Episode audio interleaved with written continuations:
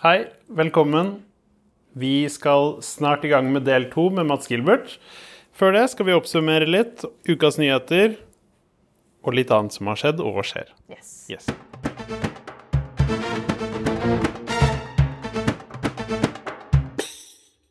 Khabar Ajel, det har skjedd en del ting denne uka her. FN-høringer om Israels ulovlige okkupasjon av Palestina var fra 19. til 26. februar. Eh, Det har pågått en seks dagers lang høring i, eh, i Den internasjonale domstolen. Det er noe annet enn søksmålet til Afrika, eh, Sør-Afrika. Eh, hvor man ser på Israels okkupasjon av palestinske områder på Vestbredden. 52 land, inkludert Norge, eh, har kommet med eh, hvilke juridiske konsekvenser eh, som oppstår fra Israels politikk, og hva deres synspunkter er på dette. Så det blir spennende å se hva utfallet er der. Eh, Det har ikke vært sånn kjempemye om det på norske medier. Jeg har ikke medier. sett noe, faktisk. Nei. Jeg har ikke sett noe særlig om det noe sted, Nei. utenom på Instagram. Eh, Men dette kan jo også igjen ha veldig stor betydning for eh, hva som forhåpentligvis Eller hva som kan skje i, i Palestina. Absolutt. Nå har det jo gått en eh, måned siden eh, Sør-Afrika sitt saksmål, søksmål var mot eh, Israel. Mm, og da skal de jo begynne med de rapportene. Var det ikke en måned de sa? Jo, Jo.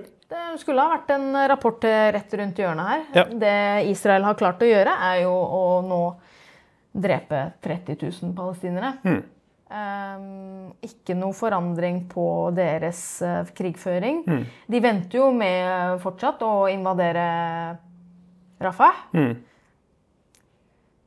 Så jeg vet ikke helt uh, hva konsekvensene av den høringen er. Ja. Og, og da blir det jo interessant igjen å se om denne, dette saksmålet har noe å si også. Mm, absolutt. Og det er jo, ja, som har blitt nevnt tidligere, at det er flere pågående prosesser. Og det er jo summen av alt det her som blir interessant når alt, alt begynner å lande. Men ja, håper det kommer noen rapporter, og at det er noen konsekvenser, og at vi får beveget oss fremover. Det var en annen ting som skjedde denne uka her, som egentlig bare Jeg, ble helt målløs av å se det, og jeg blei fysisk dårlig og mista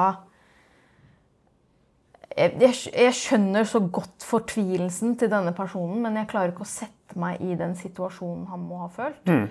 Og da snakker jeg om 25 år gamle Aaron Bushnell amerikansk soldat som spilte av en video av at uh, han sa I will not be complicit to genocide.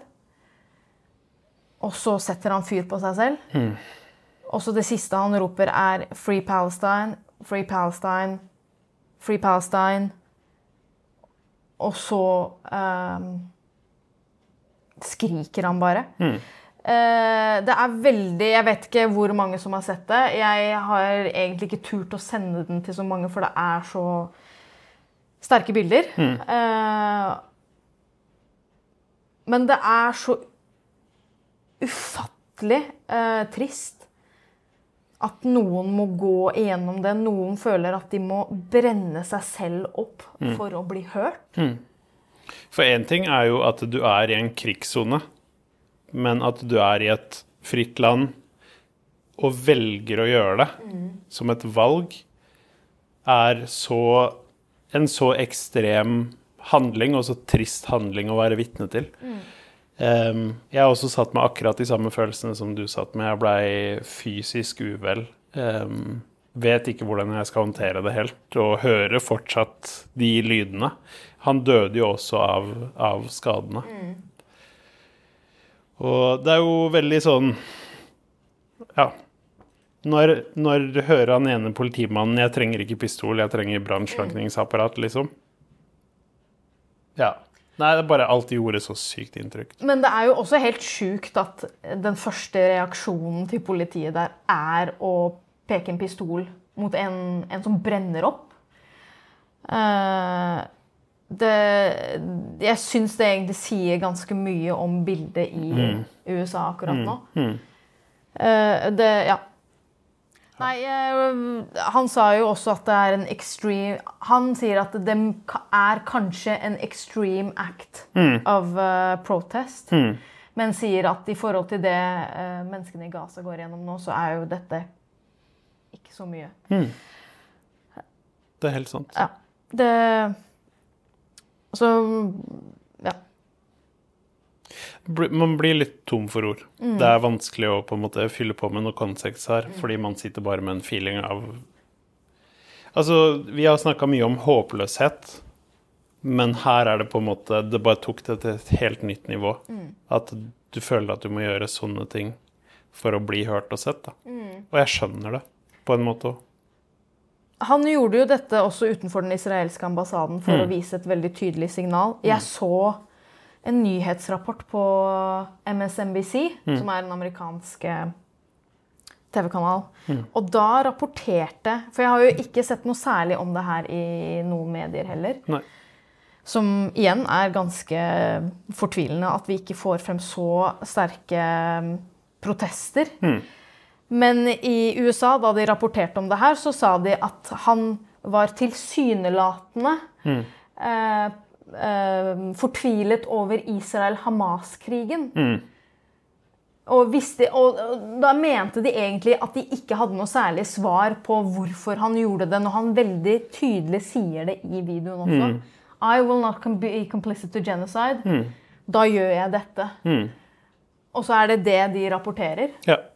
Det viser jo bare at igjen, uansett hva disse Hva aktivister og aksjonister og gjør, så blir det dussende. Det er liksom ikke Det er ikke Israel sin feil. Det er, det er begge sider. Akkurat.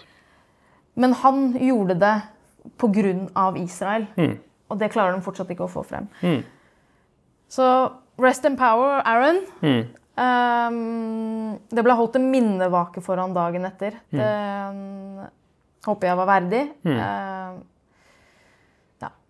Helt sjukt å, og, se sånne ting når man åpner opp Instagram. Absolutt.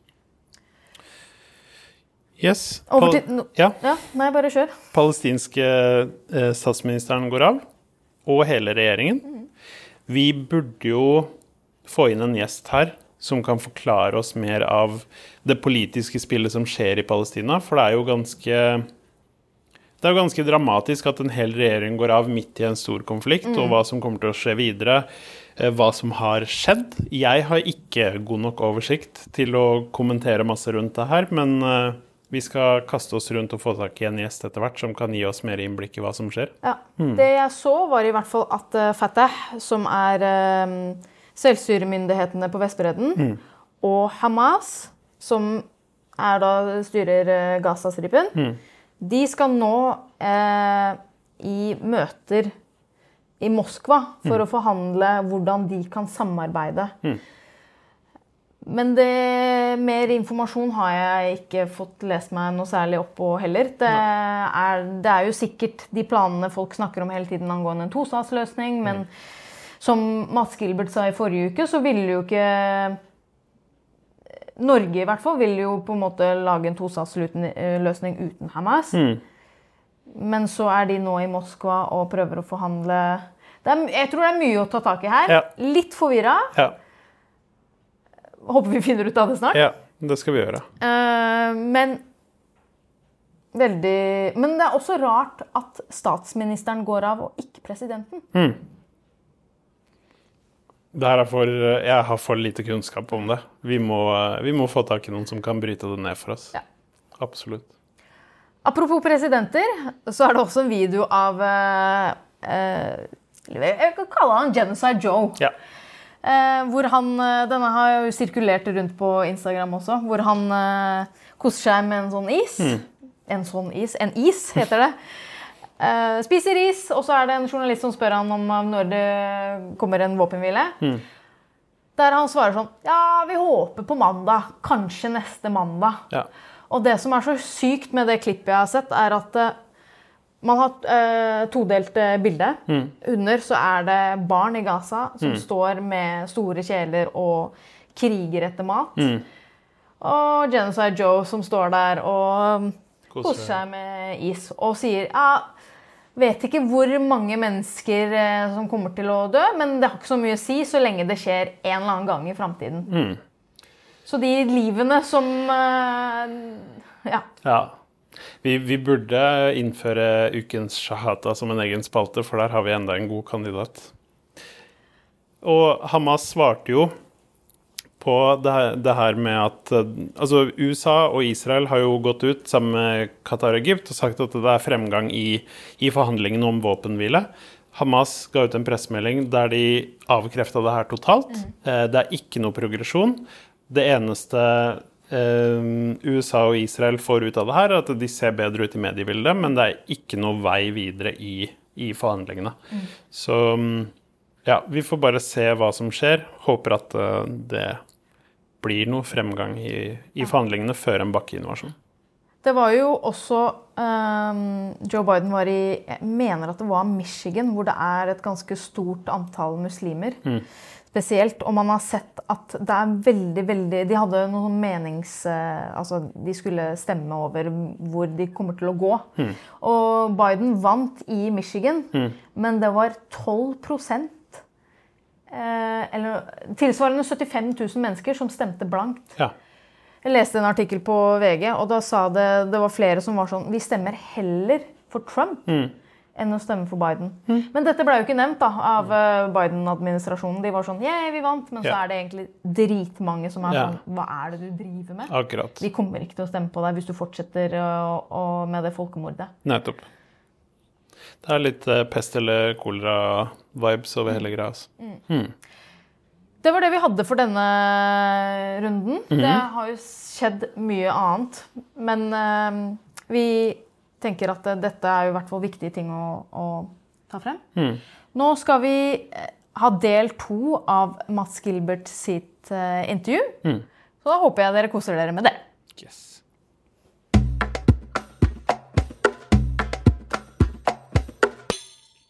Hva er det som gjør at du vil Altså, du, det er jo din egen helse og din egen sikkerhet her også. Hvor er din mentalitet i forhold til det? Er ikke det noe du tenker på? Eller er jeg bare nysgjerrig på hvordan du funker? Jeg har ikke så mange livsmotto, men jeg har eh, altså et sånt ledende motto. Det er Life is short, and then you die. Og da må du bare få det beste ut av det. Og det er ingenting som er bedre enn meningsfull virksomhet. Eh, Det er deilig å ikke gjøre noe også, og bare være lat og slappe av. Det gjør jeg også en god del. Men, men akkurat det å, å holde på med noe som er meningsbærende, og som, som gir deg denne her ekstreme dype følelsen av at eh, ikke du betyr noe, men det betyr noe. Det store prosjektet betyr noe. Det store åh, Nå ble jeg litt pompøs, da, men det store kjærlighetsprosjektet. Det at hvert eneste menneske er akkurat like mye verdt. Her er ditt vern mot vold. Her er ditt sverd. Troen på livet vårt, menneskets sverd.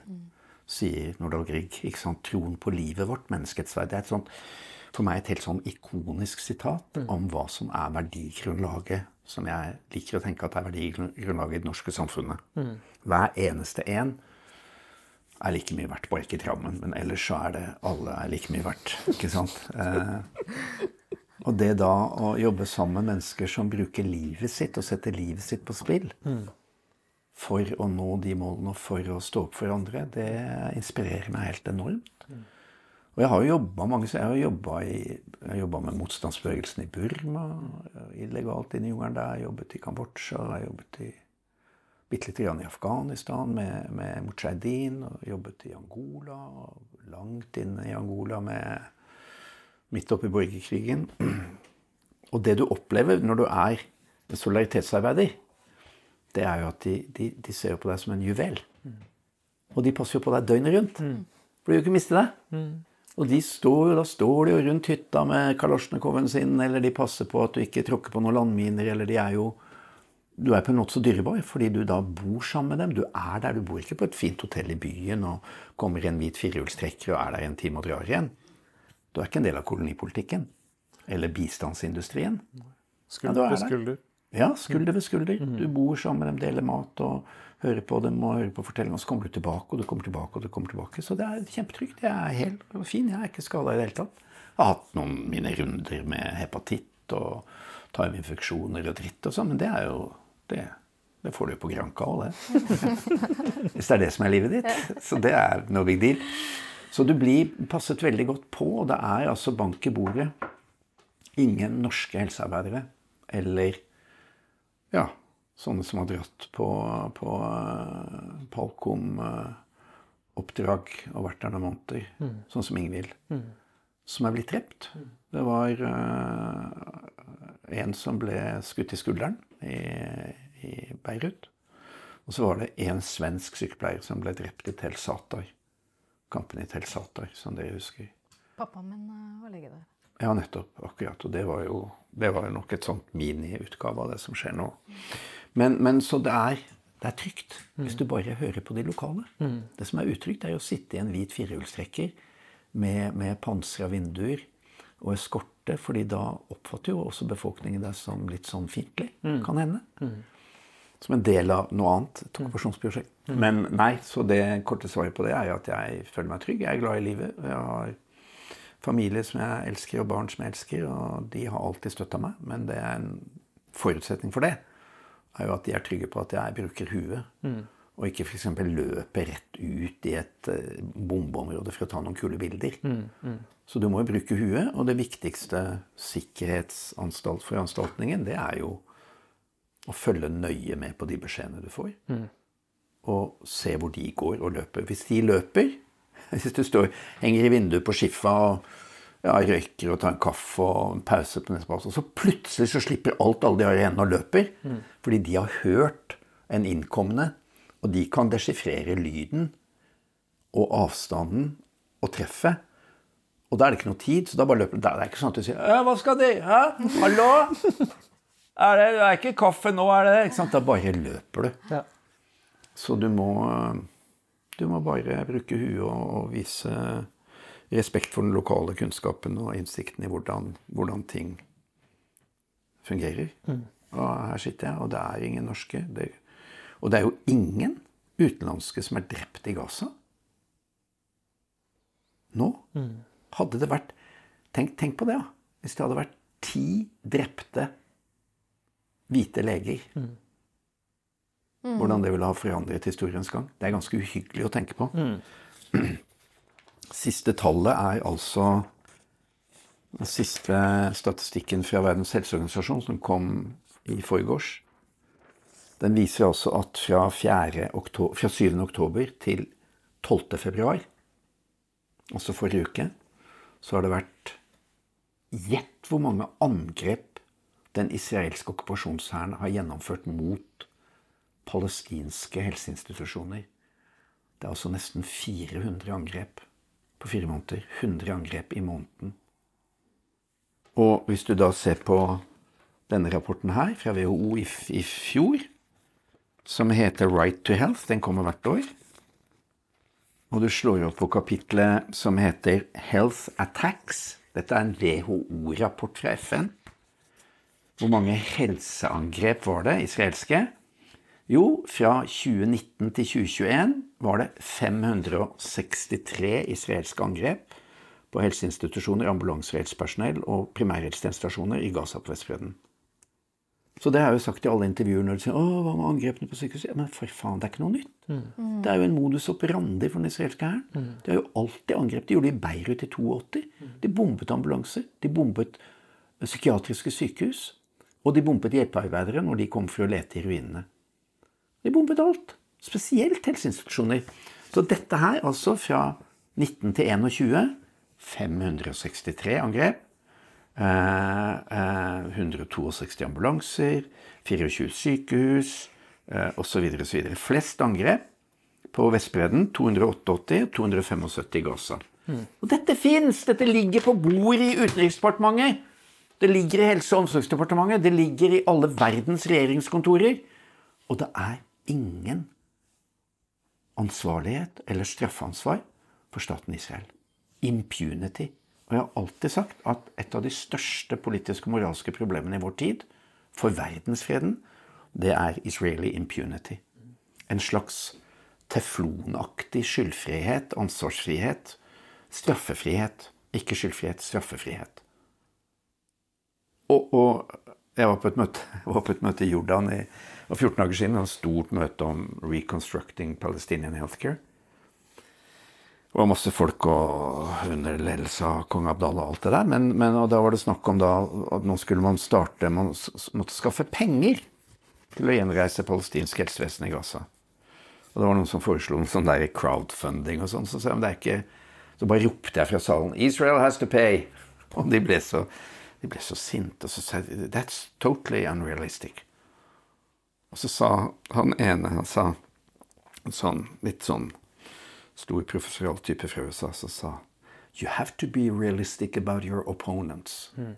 Og bare opponents? Mm. Occupiers? Altså språket er så viktig. Men, men, men det her Nesten 400 angrep på helseinstitusjoner. Og så er det altså siste tallet, og dette også, kommer også annenhver dag. Disse flash-rapportene fra, fra OCHA, OCHA, OPT, Office for Coordination of Humanitarian Affairs, Occupied Palestinian Territory. De her får jeg i innboksen min på mailen min annenhver dag. Flash update. Dette er fra dag 136. Og den kom 19. februar. Hvilken dato er det i dag? 19. februar. Ferskvare. Dere skal få med dere igjen.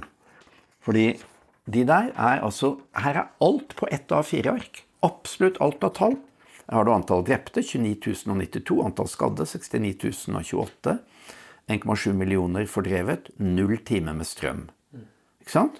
Så har du disse grafene her, som er dag for dag fra 7. oktober Dag for dag antall drepte, dag for dag antall sårete. Mm. Dette vet også alle verdens regjeringer. Mm. Og så står det f.eks. her utdanning. I Gaza nå så er det 675 000 studenter og elever som ikke har noe skoletilbud. Det er alle. Og de har altså ødelagt 92% av alle skolebygninger Nei, unnskyld. 92% av alle skolebygninger ble brukt som, som shelter nå. Eh, de har drept, de har drept 4660 studenter og 239 lærere og professorer. Det har jo prikkbombet ledende akademikere, poeter. Og han politiske kommentatoren som har vært brukt mest på Al Jazeera, han drepte de for fire dager siden. Hjemme. Og de har jo drept altså Eh, og det står også her. Eh, antall drepte helsearbeidere. Det står i den der rubrikken der. Mm. Der står det 340 helsearbeidere er drept. Og 160 FN-stab. Det har aldri vært drept så mange FN-arbeidere i noen væpna konflikt i FNs historie. Og alt dette slipper de altså unna med. Og når da våre ledere, Jonas Gahr Støre, og hans utenriksminister snakker i dag, så snakker de altså om at de skal ordne en tostatsløsning. Og de nevner ikke ansvaret, straffen og eh, konsekvensene for staten Israel. Mm. Og de sier ikke åpent og tydelig at vi støtter rettssaken i Den internasjonale mm. straffedomstolen. Jeg, jeg forstår ikke at det går an med disse faktaene som er så flagrante, så dype, så ekstremt omfattende og systematiske planlagte brudd på alle konvensjoner. Og det er så mye sadisme i det de gjør, fordi de nekter mat, vann, medisiner inn til befolkningen. Det er ren sadisme. De kunne latt folk få mat å spise.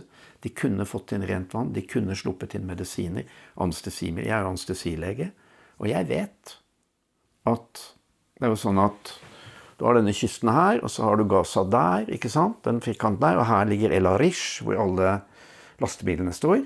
Og de kan ikke kjøre opp til Rafa, de må kjøre bort til Khmer Shalom, israelerne er.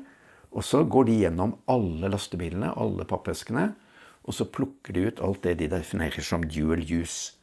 Og dual use er det de definerer som noe som kan brukes både av, av de militære og av sivile. Og alt er jo egentlig dual use. Denne her kan du jo bruke til å stappe dynamitt opp i en lunt og lage en landmine av det. Eh, vann er jo dual use. Det kan jo holde liv i soldatene, i fighterne. Og da tar de ut og det har de gjort i 16 år nå. har de jo tatt ut alt de definerer som luksusvarer. På A-listen. Syltetøy, spagetti osv. Det skal de ikke ha. De skal ikke ha noe luksusgoder i Gaza. Men nå har de jo drevet og tatt ut bedøvelsesmidler, anestesimidler. De har bare sluppet inn en sovemedisin som heter Tiopenton. De har ikke sluppet inn Ketalar og ikke Fentanyl og ikke de andre verktøyene som vi vanligvis bruker. De plukker ut alt av sånn ortopedisk utstyr som du trenger for å gjøre ekstern fiksasjon. Da borer du sånne pinner inn i, bein, i beinbruddet på hver side, og så setter du på stålstag, sånn at du kan, du kan låse bruddet i en stilling uten å bruke gips. Da får du luft, og du får ja, Du kan stelle det og passe på at det ikke blir infeksjoner, for hvis du legger gips på, så det er, det er ganske komplisert. Ekstern fiksasjon. Plukker ut alt det. Eh, antibiotika. Eh, tredje-fjerde generasjons antibiotika slipper ikke inn. Så, så, helsevesenet er jo kjørt fullstendig i grøfta. Helt med viten og vilje. Altså, dette er jo det er, så, det, er så, det er så umenneskelig at det er nesten ikke til å tro. Altså, dette er en form for rasisme. Du kan, jeg tenker at du kan ikke gjøre dette mot andre mennesker hvis du ikke ser på de andre menneskene som ikke-mennesker. Og hva var det tyskerne kalte jødene? De kalte dem untermensch undermennesker. De var ikke mennesker. De hadde ikke nådd opp til å være mennesker. Hva kalte galant palestinerne de første dagene da de startet angrepene på Gaza? Han sa We are fighting human animals.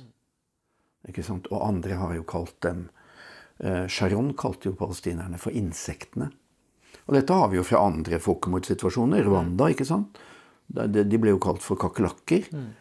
Så denne, her, denne derogatory, denne her nedsettende omtalen og metaforene du bruker på noen andre, som alltid har vært kolonimaktens politikk, det har jo vært å desimere de andre som mindre verdt for å kunne gjøre disse forferdelighetene. Så jeg tror ikke det er mulig å gjennomføre altså dette er jo, De israelske soldatene er jo utdannede, moderne, unge mennesker. Og jeg tror at israelske, det israelske skolesystemet er så gjennomsyret av rasisme mot palestinerne mm. at de syns dette er helt greit å gjøre. Mm. For de er jo ikke mennesker. Og det er ikke bare foruroligende, det er ekstremt opprørende. Mm. Og det at da denne staten peker fingeren mot UNRWA og sier at de skal ikke få penger ikke sant? Det er altså tyven som roper 'stopp tyven' hele veien. Og det er jo gjort akademiske studier av innholdet i UNRWA sine lærebøker. Professor Gripsrud skrev jo en veldig bra kronikk i Klassekampen om det for noen uker siden. en uke siden. Hvor de studiene som er gjort av UNRWA sitt læremateriale, det viser jo at nei, det er veldig historisk riktig, og det er helt ryddig. Det er ikke sant påstanden om at de oppfordrer palestinske barn til å hate jøder og alt det der. Mm. Men hvis du går inn og ser på israelske lærebøker, avhengig av hvilken regjering det er, så er de proppfulle av rasistisk eh, indoktrinering i forhold til palestinerne. Mm. Og det må jo være noe, fordi hvis du er, lever i 2024 og har fulgt med i verden og, og har lest historie og filosofi og religion og hva det måtte være, så går du jo ikke inn og, og, og dreper barn systematisk. Det må jo være fordi at du ser på de barna som en form for udyr. Mm. Som ikke har livets rett. Og det sier jo disse. Jeg skrev jo om det i den første boka vår, 'Øynene i Gaza', så, så, så, gjorde jeg ganske mye dypdykk i hvordan disse militære rabbinerne hva de indoktrinerer soldatene. Og de sier jo alle Du har rett til å drepe alle. Slangen avler slanger, og de blir til slanger. Mm. Altså barna av slangene. Eh, sånne metaforer som er utrolig skumle. Og som ikke skiller seg fra all annen rasistisk eh, uh, ideologi som tillater folk å gjøre de mest forferdelige ting inni seg. Mm. Nå må dere stoppe meg. Jeg vil ikke, vil, vil ikke stoppe deg. må dere legge på tiøret til? Um, jeg tenker Israelsk propaganda, statlig propaganda. Du verva deg jo. Mm. Og hvordan alt har forandra seg, og at vi begynner å vi begynner å se sannheten da, mm. på internasjonalt nivå. Mm. Det har vært gøy å få til noen tanker rundt det. Mm. Og hvordan den utviklingen har vært. og bare, ja. Mm. Ja, det er, jo, eh, det er jo materiale for mange akademiske studier og doktorgrader, det. Men eh, jeg tror at håpet nå ligger i, eh, i ungdommen, i den unge generasjonen. Fordi de ikke bærer med seg dette enorme holocaust-komplekset. Komplekset. Skyldfølelsen. Frikortet til å gjøre hva du vil pga. holocaust. Og la meg være helt krystallklar. Jeg tar fullstendig avstand fra alle former for antisemittisme. Jeg er ingen rasist. Gud forby den som måtte våge å kalle meg rasist.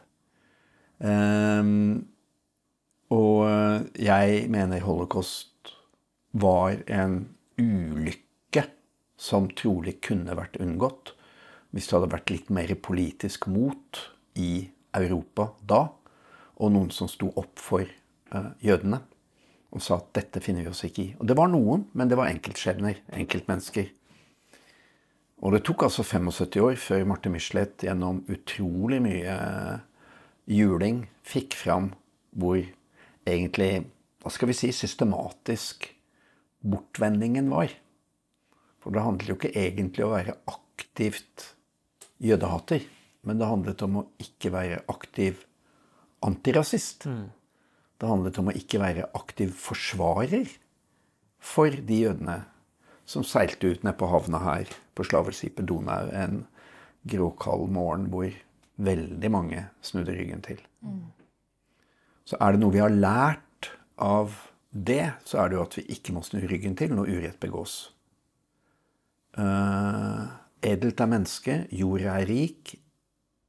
Finnes, her sult og nød, skyldes det svik. Og nød er sin krig, okkupasjon. Sult er sin Gaza. Svik. Og det sviket må ikke gjenta seg, selvfølgelig. Men samtidig så førte jo det til det som Norman Finkelstein, min gode venn, kaller for the holocaust industry. On the abuse of antisemitism and the holocaust industry. Han har skrevet en svær bok om det, som er verdt å lese. Som er et veldig akademisk verk. Hvor han jo veldig grundig dokumenterer, han er jo jøde selv, professor i historie, viser hvordan sionistene hele tiden har brukt antisemittismen som et kort. Og Herzl sa jo det selv, at det er et av våre beste kort, det er jo antisemittismen. For å bygge dette politiske prosjektet, som jo er et koloniseringsprosjekt, og ikke et verken religiøst eller noe annet prosjekt. Det jo, og det har jo ingenting med holocaust å gjøre, egentlig. Sånn at jeg tror vi Altså min foreldregenerasjon, som var krigsgenerasjonen i Norge, de, jeg tror de har hatt fryktelig mye kvaler og skyldfølelse og følte at de svikta. Og det fikk vi med oss. Eh, og det var på en måte likhetstegn, da, som vi vet, mellom det å, å kritisere sionismen og kritisere jødedommen, og det er jo to helt forskjellige ting. Mm. Selv om man nå har forsøkt å si at antisemittisme og antisionisme er det samme. Det er jo bare nok en tvist i denne abuse of holocaust and the ja, abuse of antisemittismen og holocaustindustrien. Mm. Så jeg tror de som nå er unge, og som har direkte tilgang til virkeligheten, og som får det opp på Insta og hvor det måtte være på X eller på, på TikTok, ser meldingene fra Gaza og Vestbredden, mm. hører palestinske ungdommer fortelle, mm. ser brutaliteten, og som ikke har denne skyldfølelsen i forhold til et holocaust som de i hvert fall ikke har noe ansvar for. Og som ikke ønsker en verden full av undertrykking og rasisme og død. Jeg tror de er håpet. Også håper jeg i Israel. I hvert fall i den unge amerikanske gruppen av jøder, som jo viser seg mye mer kritisk til, til sionismen og staten Israel enn noen har gjort før. Og det er jo et kjempeproblem for IPAC, for den tunge sionistiske lobbyen i USA og støtten til Biden. ikke sant? Og det, Demokratene har jo alltid vært de som har fått mest penger fra, fra IPAC og den sionistiske lobbyen, så vidt jeg vet. Sånn at jeg tror at framover så må vi være vi må være utholdende. Vi må lære palestinerne så mot. Eh, standhaftighet, utholdenhet. Og så går det seg til. Jeg har en veldig god venn som er pilot på helikopter i Tromsø. og han, han, har et sånt herlig nordnorsk uttrykk som jeg elsker. Det kan fort gå godt. Det kan fort gå godt. Og jeg har trua. Jeg har trua på at verdens folk, flertallet av verdens folk, vil ha en god verden. De vil ikke dette. Og denne klamme, ansiktsløse kapitalismen og kolonialismen som hele tiden jakter på markeder, jakter på profitt, jakter på våpen, jakter på hva det måtte være. Altså det militærindustrielle komplekset som tjener milliarder på, på, drap. De koser seg jo med både Ukraina og med, med, med, Gaza og med hva det måtte være. Det har vært altfor lite krig i det siste. Ikke sant? For dem. Sånn at jeg tror at den generasjonen som kommer nå, de kommer til Og de som går i demonstrasjoner nå uh, Det er jo masse unge folk som vi aldri har hatt med før Det og titusener, millioner over hele verden som sier 'Vi vil ikke ha det sånn! Stopp det!' Ikke sant? Og det har jo vært i et miljø, i, en, i et klima, hvor løgnene har rent ut av løgnmaskinene. Bare tenk på den forvirringen som var rundt 7. oktober. Hvor, hvor, alle disse løgnene om brenning av barn og voldtekter Det er ikke noe av det som er bevist. Tvert imot. Tvert imot. Og så mener jeg jo selvfølgelig at at vi må ha mer kunnskap. Vi må ha kunnskapsbasert solidaritet. Vi må studere mer, vi må kunne faktaene. Og ikke tro på verken AI eller falske ryktemaskiner som Hashbara, som jo er et ekstremt velutviklet uh, sionistisk propagandaapparat. Uh, og eh, det er, mange, det er mange skjær i sjøen, og det er mange det er mange nåløyer å komme seg gjennom for å finne en sannhet som alle kan få tak i. Mm. Men eh, som de sier i Asia, til syvende og sist så vil sola alltid gå opp over sannheten. Og det lar seg ikke skjule, det som har skjedd nå, og det som har skjedd tidligere. Jeg tror det er derfor vi er så mange venner av dere. Det er derfor vi er så mange over hele verden som står sammen med palestinerne. Fordi vi sier at deres sak er vår sak. Fordi vi, vi vil ikke ha en verden av undertrykking og rasisme der det er lov å behandle mennesker på den måten som uh, palestinerne har blitt og blir behandlet på. Det er, det vi vil ikke det. Vi er villige til å ofre alt for å, å, stoppe en sånn verdensutvikling. For det er ikke den verden våre barn og barnebarn skal overta. Så alvorlig er denne kampen. Og så viktig er det å fortsette solidaritetsarbeidet. Og så viktig er det å knytte breie allianser. Vi må få med oss fagbevegelsen mye mer. Vi må få med oss idretten. Kulturarbeiderne har gått i spissen. Ungdommen har gått i spissen. Eh, og, eh, og vi, er, vi, er, nødt til å finne nye aksjonsformer, nye måter å fortelle eh, de viktige fortellingene på. Og så må vi ha en konstant og kritisk årvåkenhet i forhold til våre medier. Og stille krav til dem, og, etterprøve det de sier. Og skaffe oss egen kunnskap. Gjennom forskning, gjennom studier, kunne historien, Og snakke med de som sitter i situasjonen, palestinerne.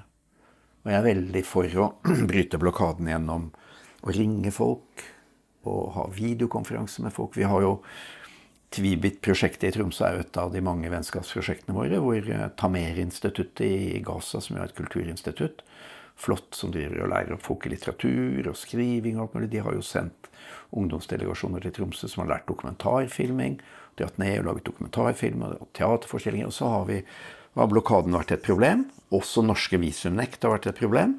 Men så har vi da laget, vi har brutt blokaden med virtuelle medier, med, med videokameraer og videokonferanser og alt mulig. Så det er mange måter å snakke ikke om og ikke til, men snakke med og lytte til de som er i okkupert Palestina.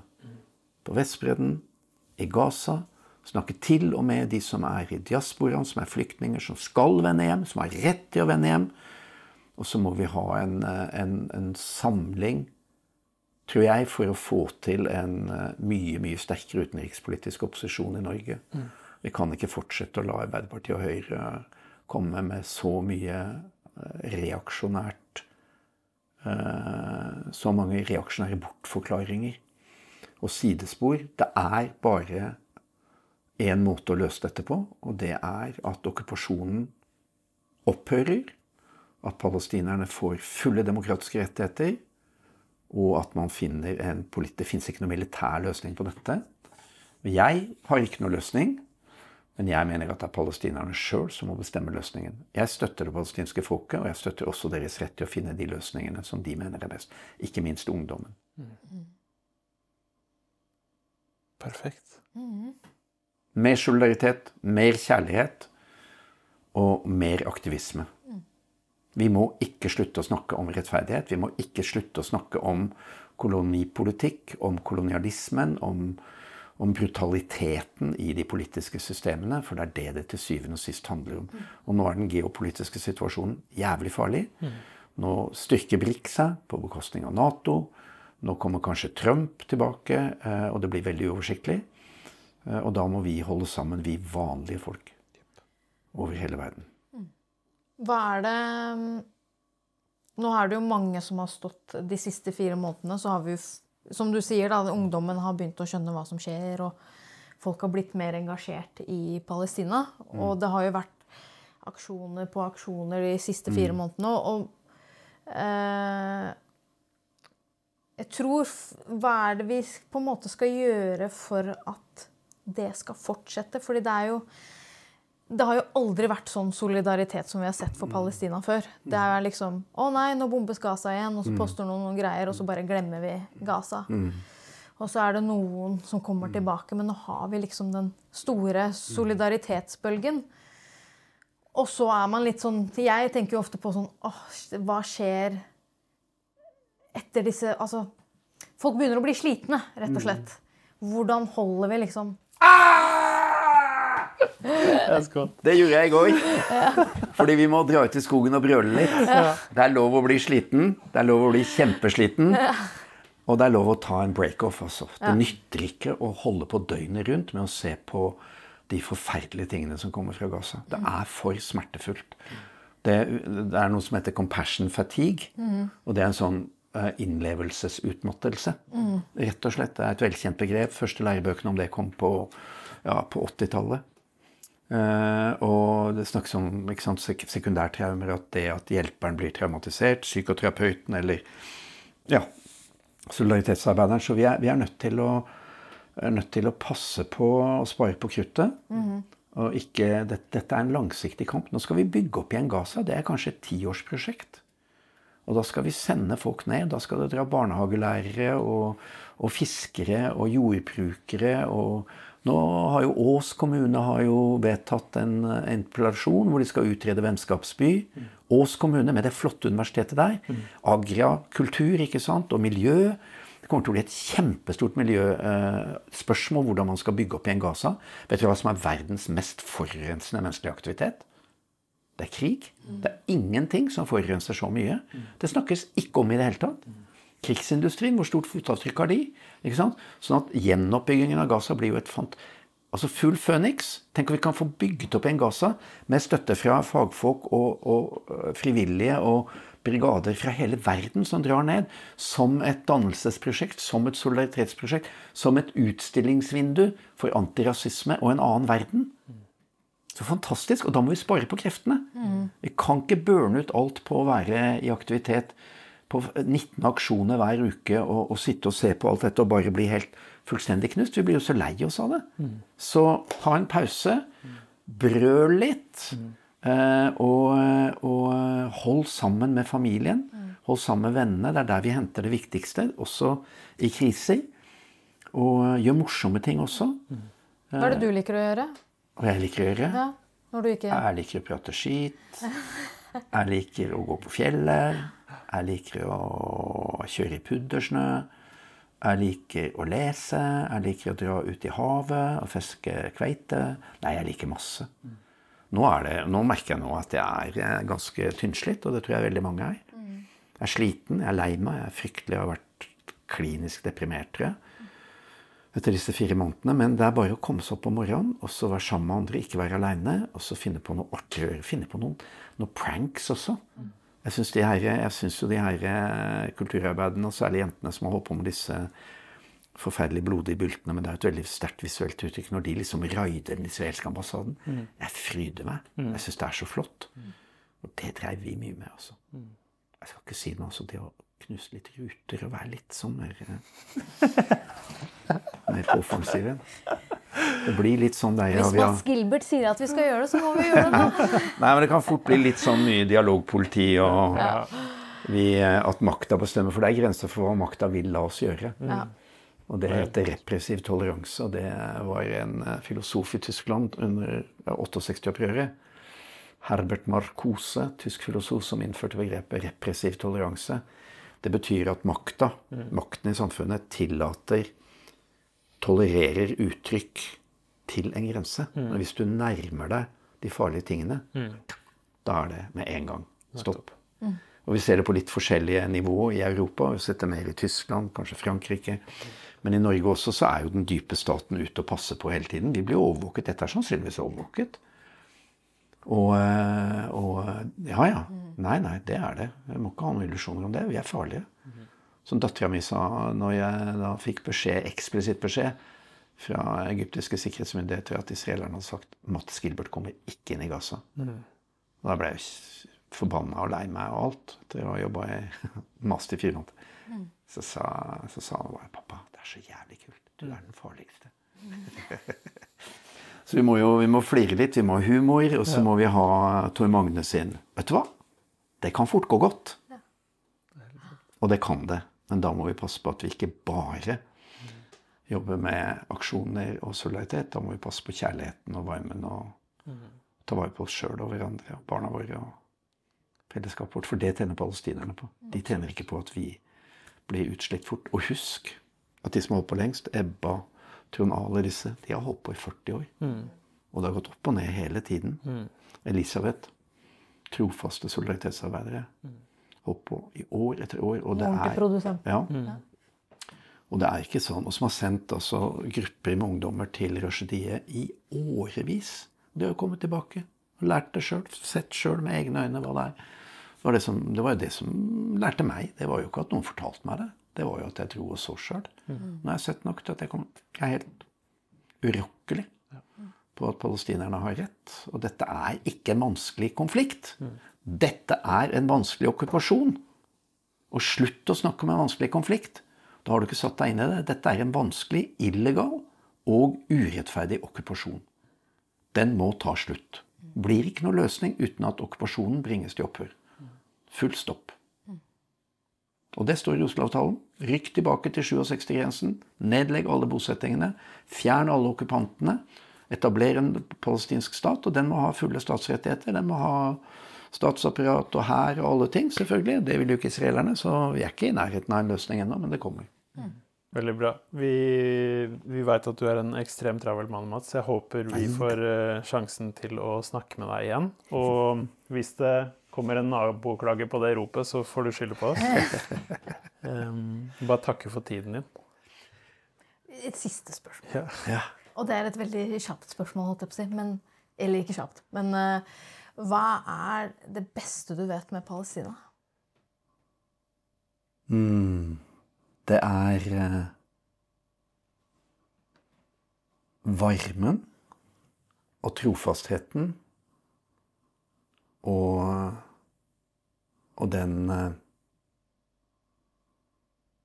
veldig tilgjengelige men- menneskeligheten som jeg alltid opplever som kommer til uttrykk som gjestfrihet, men som også kommer til uttrykk som veldig, en veldig compassionate, en veldig lidenskapelig menneskelig kontakt som er eh, Det er en, det er en ekthet. Og det er klart, altså jeg er jo en evig romantiker, så jeg kan romantisere absolutt alt. Men, men eh, er noe av det samme jeg finner i Nord-Norge. Som gjorde at jeg valgte Nord-Norge etter at jeg hadde jobba der en sommer i studietiden. Jeg hadde aldri vært i Nord-Norge. og Jeg bare tenkte jeg er kommet hjem. Her skal jeg leve. Så tror jeg rett nord da jeg var ferdig på doktorskolen her. Har vært der siden. Og, og Nord-Troms og Finnmark minner meg alltid om Gaza naturen, lyset og menneskene. Det er Nord-Norge for meg. Og så er det denne, denne gjensidige rausheten og respekten. Du er ok. Jeg er ok. Vi kan ha det ålreit. Eh, og så er det jo en veldig dypt forankret gudstru som, som skaper en form for verdighet og, og en veldig sånn distinkt eh, verdiplattform. Som, som jeg, jeg er jo agnostiker. Jeg kaller meg en romantisk agnostiker. Jeg shopper litt religion her og der når det trengs. Sånn litt Bare det er en gud tilgjengelig, så kan jeg godt be til han eller hun. eller hvem det er. Men, men, men den, eh, den, dype, den dypt uh, forankra islamske kulturen, den uh, gjør inntrykk på meg. Den, den, tror jeg er en del av den verdiplattformen. Og som Oluf Arthur Arntzen sa Han var jo vokste opp i dyp fattigdom i Nord-Norge, han humoristen. Han sa jo at vi overlevde på humor og gudstro. Og det gjør de i Gaza. De overlever på, på, på humor og gudstro. Og ikke martyrer nødvendigvis, men, men, rett og slett at det er, en, det er et større alt. Det er, større, det er en større helhet. Og um, for meg er Palestina en form for uh, livshåp kombinert med tro og verdighet. Og respekt for andre, som jeg uh, elsker. Mm. Som jeg har mye å takke for. Som har, har gjort mye for at jeg uh, har kunnet i den grad jeg har blitt det, da. Bli et anstendig menneske. Så jeg har mye å takke Palestina for, og masse å takke Gaza for, og mine venner. Og er, Det er egentlig ikke mulig for meg å snakke om dette uten å grine, men jeg, jeg, kan ikke gjøre det. Jeg må kunne snakke om Men det som skjer nå, er så uutholdelig at uh, det er vanskelig å å sove. Det er vanskelig å gjøre noe annet enn å jobbe med dette, akkurat som vi alle gjør. Men vi må ta oss noen pauser, da, som sagt. Men uh, når dette blir rullet opp i all sin forferdelighet, så er det noe som må forsvinne. Og det er uh, en uh, politisk kultur og en politisk makt som tillater seg, og som tillater andre, les USA, å drepe torturere, sulte, tørste, pine, utrydde andre mennesker. Fordi du sjøl vil ta landet fra noen. Mm. Dette har ingenting med noe oppgjør etter 7. oktober å gjøre. Dette har ingenting å gjøre med noe rett til sjølforsvar. Dette er et rent kolonialt, brutalt okkupasjonsprosjekt på linje med nedslaktingen under de mørkeste periodene av europeisk kolonialisme, f.eks. i Kongo. Vi er rullet tilbake til start når det gjelder brutal kolonipolitikk, dessverre. Og det er kanskje det mest sjokkerende av alt, at dette får gjenta seg, seg i 2024. Så der har vi alle et ansvar. Og som de sa i, i, i Egypt Det du gjør nå, er det du ville gjort under holocaust. Mm. Og det du ikke gjør nå, det er det du ikke ville gjort under holocaust. Make up your mind, get your act together and get moving. Mm. Mats, ja. tusen takk. Som du også har sagt, kolonarese. Kolonarese. Gaza hatta nasser, Palestin hatta nasser. Så får jeg si som Abba Marsa lærte meg i 82 Dr. Mats, your Arabic is very bad. Og det kunne jeg vel sagt til Anna. Det Arabic er ganske dårlig. Men but I'll teach you this one, and you learn this one by heart. Thawra thawra hatta nasser. Og det lærte jeg, og det har jeg jo avsluttet mange forelesninger med, særlig i USA. Det vekker alltid en, et sted mellom forundring og, og sjokk og begeistring. Artig Tusen, tusen takk for at dere fikk lov å komme. Nei, tusen takk, takk. til deg.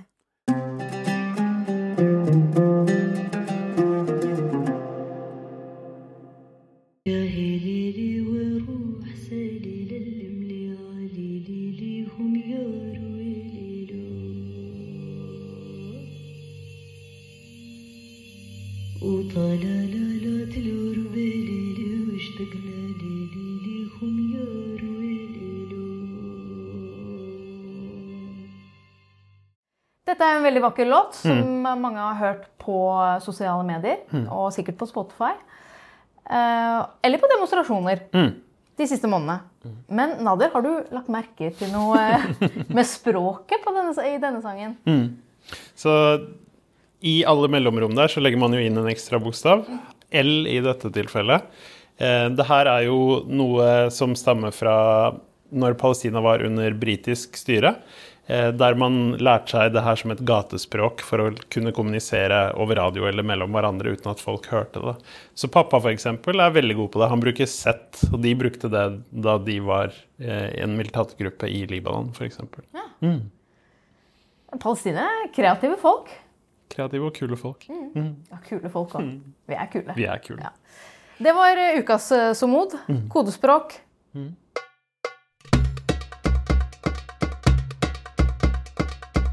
Det er global demo 2. mars, dvs. Si om to dager, på lørdag.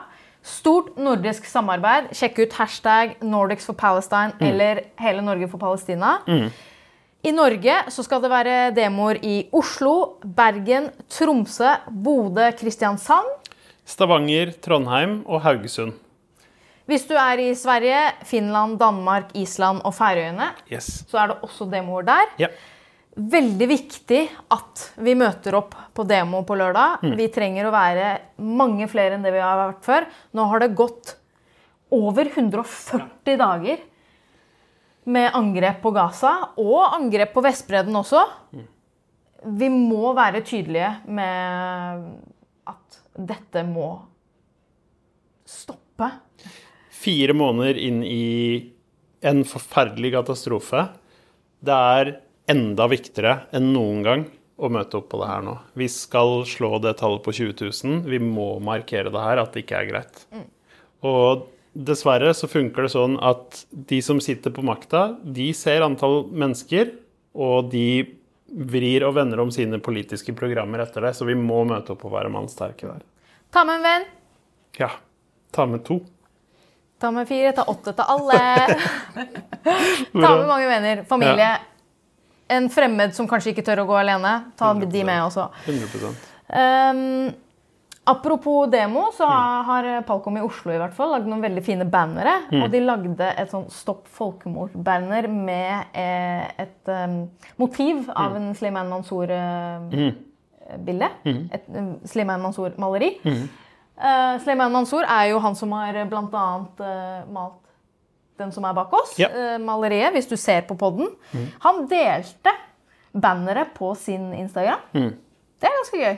Det er veldig fint, og det er akkurat litt sånn som vi har snakka om eh, Jeg husker ikke om det er i podden eller privat, men at vi, at vi gjør noe og lager noe og deler ting, og palestinere får det med seg, det gir også mye styrke. Og det er, det er jo selvfølgelig en ære, da, at han delte det. Det er veldig kult. Palestina-teltet er fortsatt eh, oppe nede ved Stortinget. Det skjer masse eh, koselige greier der. Det er eh, både filmvisninger og aktivitetsworkshops og sånn. Så hvis eh, du har lyst til å finne på noe med noen palestinere, så ta deg en tur ned dit. Det er eh, kulturelt eh, one on one, hvis du vil inn der. Veldig mye fine folk. Ja. Yes. Bra. NRK-aksjon hver dag. Eh, utenfor Stortinget, det var dagen utenfor Skipsted, eller skal være? Det var eh, utenfor Skipsted i går. Ja. Ikke sant? Da var det flere aksjonister som lå utenfor som, eh, som enten eh, drepte mennesker eller at de holdt drepte barn. Mm. Eh, Skipsted er jo der både Aftenposten og VG og andre mediehus holder til. Så viktig å covre holdt jeg på å si, alle mediehusene og sørge for at eh, de vet at vi fortsatt er i, er i protest. Jepp. Og så blokkerte man dørene inn til Ap sitt kontor også. Veldig bra. Aksjonsgruppa, vi, dere får ikke nok creds. Shout-out til dere. Dere gjør en utrolig bra jobb. Jeg tenker også, Hvis du har lyst til å følge med på hva som skjer, eller vil vite mer om aksjoner, så er det en Instagram-konto som heter Aksjonsstemmer for Palestina. De gjør en helt nydelig jobb med oppdateringer, informasjon om det som skjer i Palestina. Aksjoner rundt om i landet, og spesielt i Oslo. Ja. Eh, fantastiske mennesker som eh, jobber dag og natt. ja. Så eh, følg den. Vi kan legge til eh, Link. link, sånn at eh, folk kan begynne å følge det. Og så har eh, Fredrikstad også begynt å løpe. Run for Palestine der også. Hver søndag klokken ett. Det er vel en Instagram-konto, det også. Det er det. Så, og hvis du eh, vil følge med på hva som skjer i Fredrikstad, så er det jo Palestinakomiteen Ostfold. Ostfold, ja. Ja. Da kan du eh, Få med hva som skjer. holde deg i form for Palestina. Yes. For å få med hva som skjer i ditt område, følg din lokale Palestinakomité-konto. Og sjekk ut også palestinakomiteen.no sin hjemmeside. Der er det en egen fane med aktiviteter, så man kan se alt som skjer. Og så skjer det noe 8. mars. Yes! Yes. Eh, Det er kvinnedagen 8. mars. Så da gå med ditt lokale Palestina-komitélag i toget og vis solidaritet med de palestinske kvinnene. Det er kjempeviktig. Det er noen paroler som er med i eh, den som er i Oslo, i hvert fall. Eh, Men ja, det er eh, en ekstra spesiell dag i år med alt det som skjer i, i Gaza. Det er alt fra høyere antall dødsfødsler, mangelfull oppfølging av gravide, infeksjoner, drepte barn, eh, mødre som blir drept. Det er mye. eh, og jeg syns også de ufattelig provoserende bildene av soldater som driver og stjeler ting fra eh, De driver og raider hus og stjeler gull og undertøy og viser det fram. Og det, det er så Ikke bare er de utrolig Ja, de, de er utrolig Det er mannssjåvinistisk og nedverdigende på et helt nytt nivå. Det er null respekt. Ja, det er det. Og vi har mange grunner til å stå skulder til skulder med alle kvinnene, men i forhold til det som skjer nå, en større grunn enn noen gang, føler jeg. Så gå i ditt 8. mars-tog eh, der hvor du bor. Følg eh, som sagt Palestinakomiteen for å se hvor togene er. Og så, appåtil med 2. mars-demo, så er det nasjonal demo 16. mars. Igjen, lokallag is your best friend. Sjekk når dere skal ha demo. Det kommer sikkert til å være litt uh, ulike tider og, og sånn. Men uh, sjekk uh, laget ditt, eh, lokallaget ditt, og dra med folk. Yes. Og så er det Visit Vestbredden, Oslo og Bergen. Dato 11. mai. Bra, for jeg er med og arrangerer det. Ja. Så du må huske datoen. 11. mai. Eh, bare send oss en DM eller en mail eller eh, hvor som helst. Bare ta kontakt. Vi trenger frivillige. Det er, har alltid vært et fint og stort arrangement. Pågangen kommer naturligvis til å bli større i år, så vi trenger så mye hjelp vi kan, vi kan få. Vi har starta en spleis og lagt til, laget et Facebook-event nå. Så hvis du vil hjelpe oss med å lage tidenes markering for det palestinske folk, så hadde vi satt veldig pris på det. Del spleisen, del eventet. Det kommer til å bli en veldig fin dag, fordi palestinere fortjener å bli feira også. Absolutt. Så følg med på det. 10. mars, demo på Holmenkollen. Eh, da er det skifestival. Ski, heter det? Skifest? Jeg er ikke god på langrenn, for å si det sånn. Men ja, og så er det mm, en, eh, en online-demo, eller markering, What Broke Me, eh, der man deler hva som knakk deg med Gaza. Eh, og dessverre så er det mye å velge av. Mm. Chateauneuf har en hel uke med Nei, sorry. De har en hel måned med eh, filmvisninger av palestinske filmer. Mm. Uh, Chateauneuf på Majorstuen. Sjekk det ut. Og så er det Humanfilmfestivalen, som er på, rundt Hausmania-området og Vega scene. Der er det både samtaler og filmvisninger av eh, eh, palestinske filmer og prat med palestinske folk. Anbefaler veldig å sjekke ut programmet der. Det er en filmvisning av eh, Eller en forhåndsvisning av eh, Palestina-teltdokumentaren som eh, Siri Nærbø, som er i aksjonsgruppa, som bl.a. har lagd. Ja. Jeg sitter og oversetter litt på den nå. Så den ser Og det er 4. til 10. mars. 4. til 10. mars, ja. Så sjekk den ut. Arabiske filmdager. Arabiske filmdager det er ganske langt frem i tid. Så det trenger vi ikke å tenke på nå. Men det er 10. til 14. april. Bra. Bra. Som sagt, eh, følg lokallag, følg eh, Palestinakomiteen, eh, og se på nettsiden. Der er det godt oppsummert. Yes. Yes.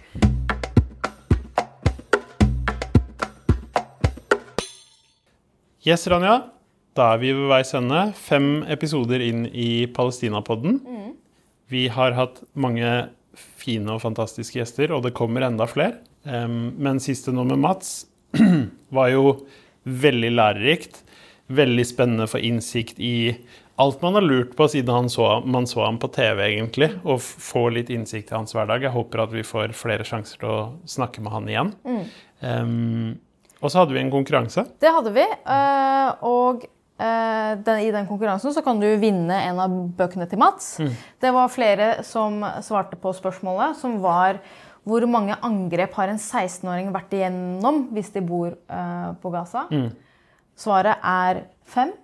Det er fem for mange, dessverre. Men eh, det er realiteten. Den som svarte riktig, er Hildegunn. Så gratulerer, Hildegunn. Vi skal sende deg eh, 'Natt i Gaza' av Mats Gilbert. Hvis du sender oss eh, hvor du bor på palestinapodden at gmail.com, så skal vi sende deg boka. Yes. Vi får jo også inn forskjellige spørsmål og tips på Palestinapodden sin e-post, så det er bare å fortsette. Det syns vi er veldig koselig. Neste episode så skal vi møte en femini feminist, aktivist og forfatter. Og en god venn, som hun har blitt. Madeleine Schultz. Hun skal snakke om hvordan feminisme og den palestinske frigjøringskampen går hånd i hånd. yes. Men inntil da så håper vi at vi ser dere på demo på lørdag. 2. mars, 2. mars. be there. Be there. Og i mellomtiden så håper vi at du har en fin uke og Fritt Palestina. fritt Palestina. Ha Ha det bra.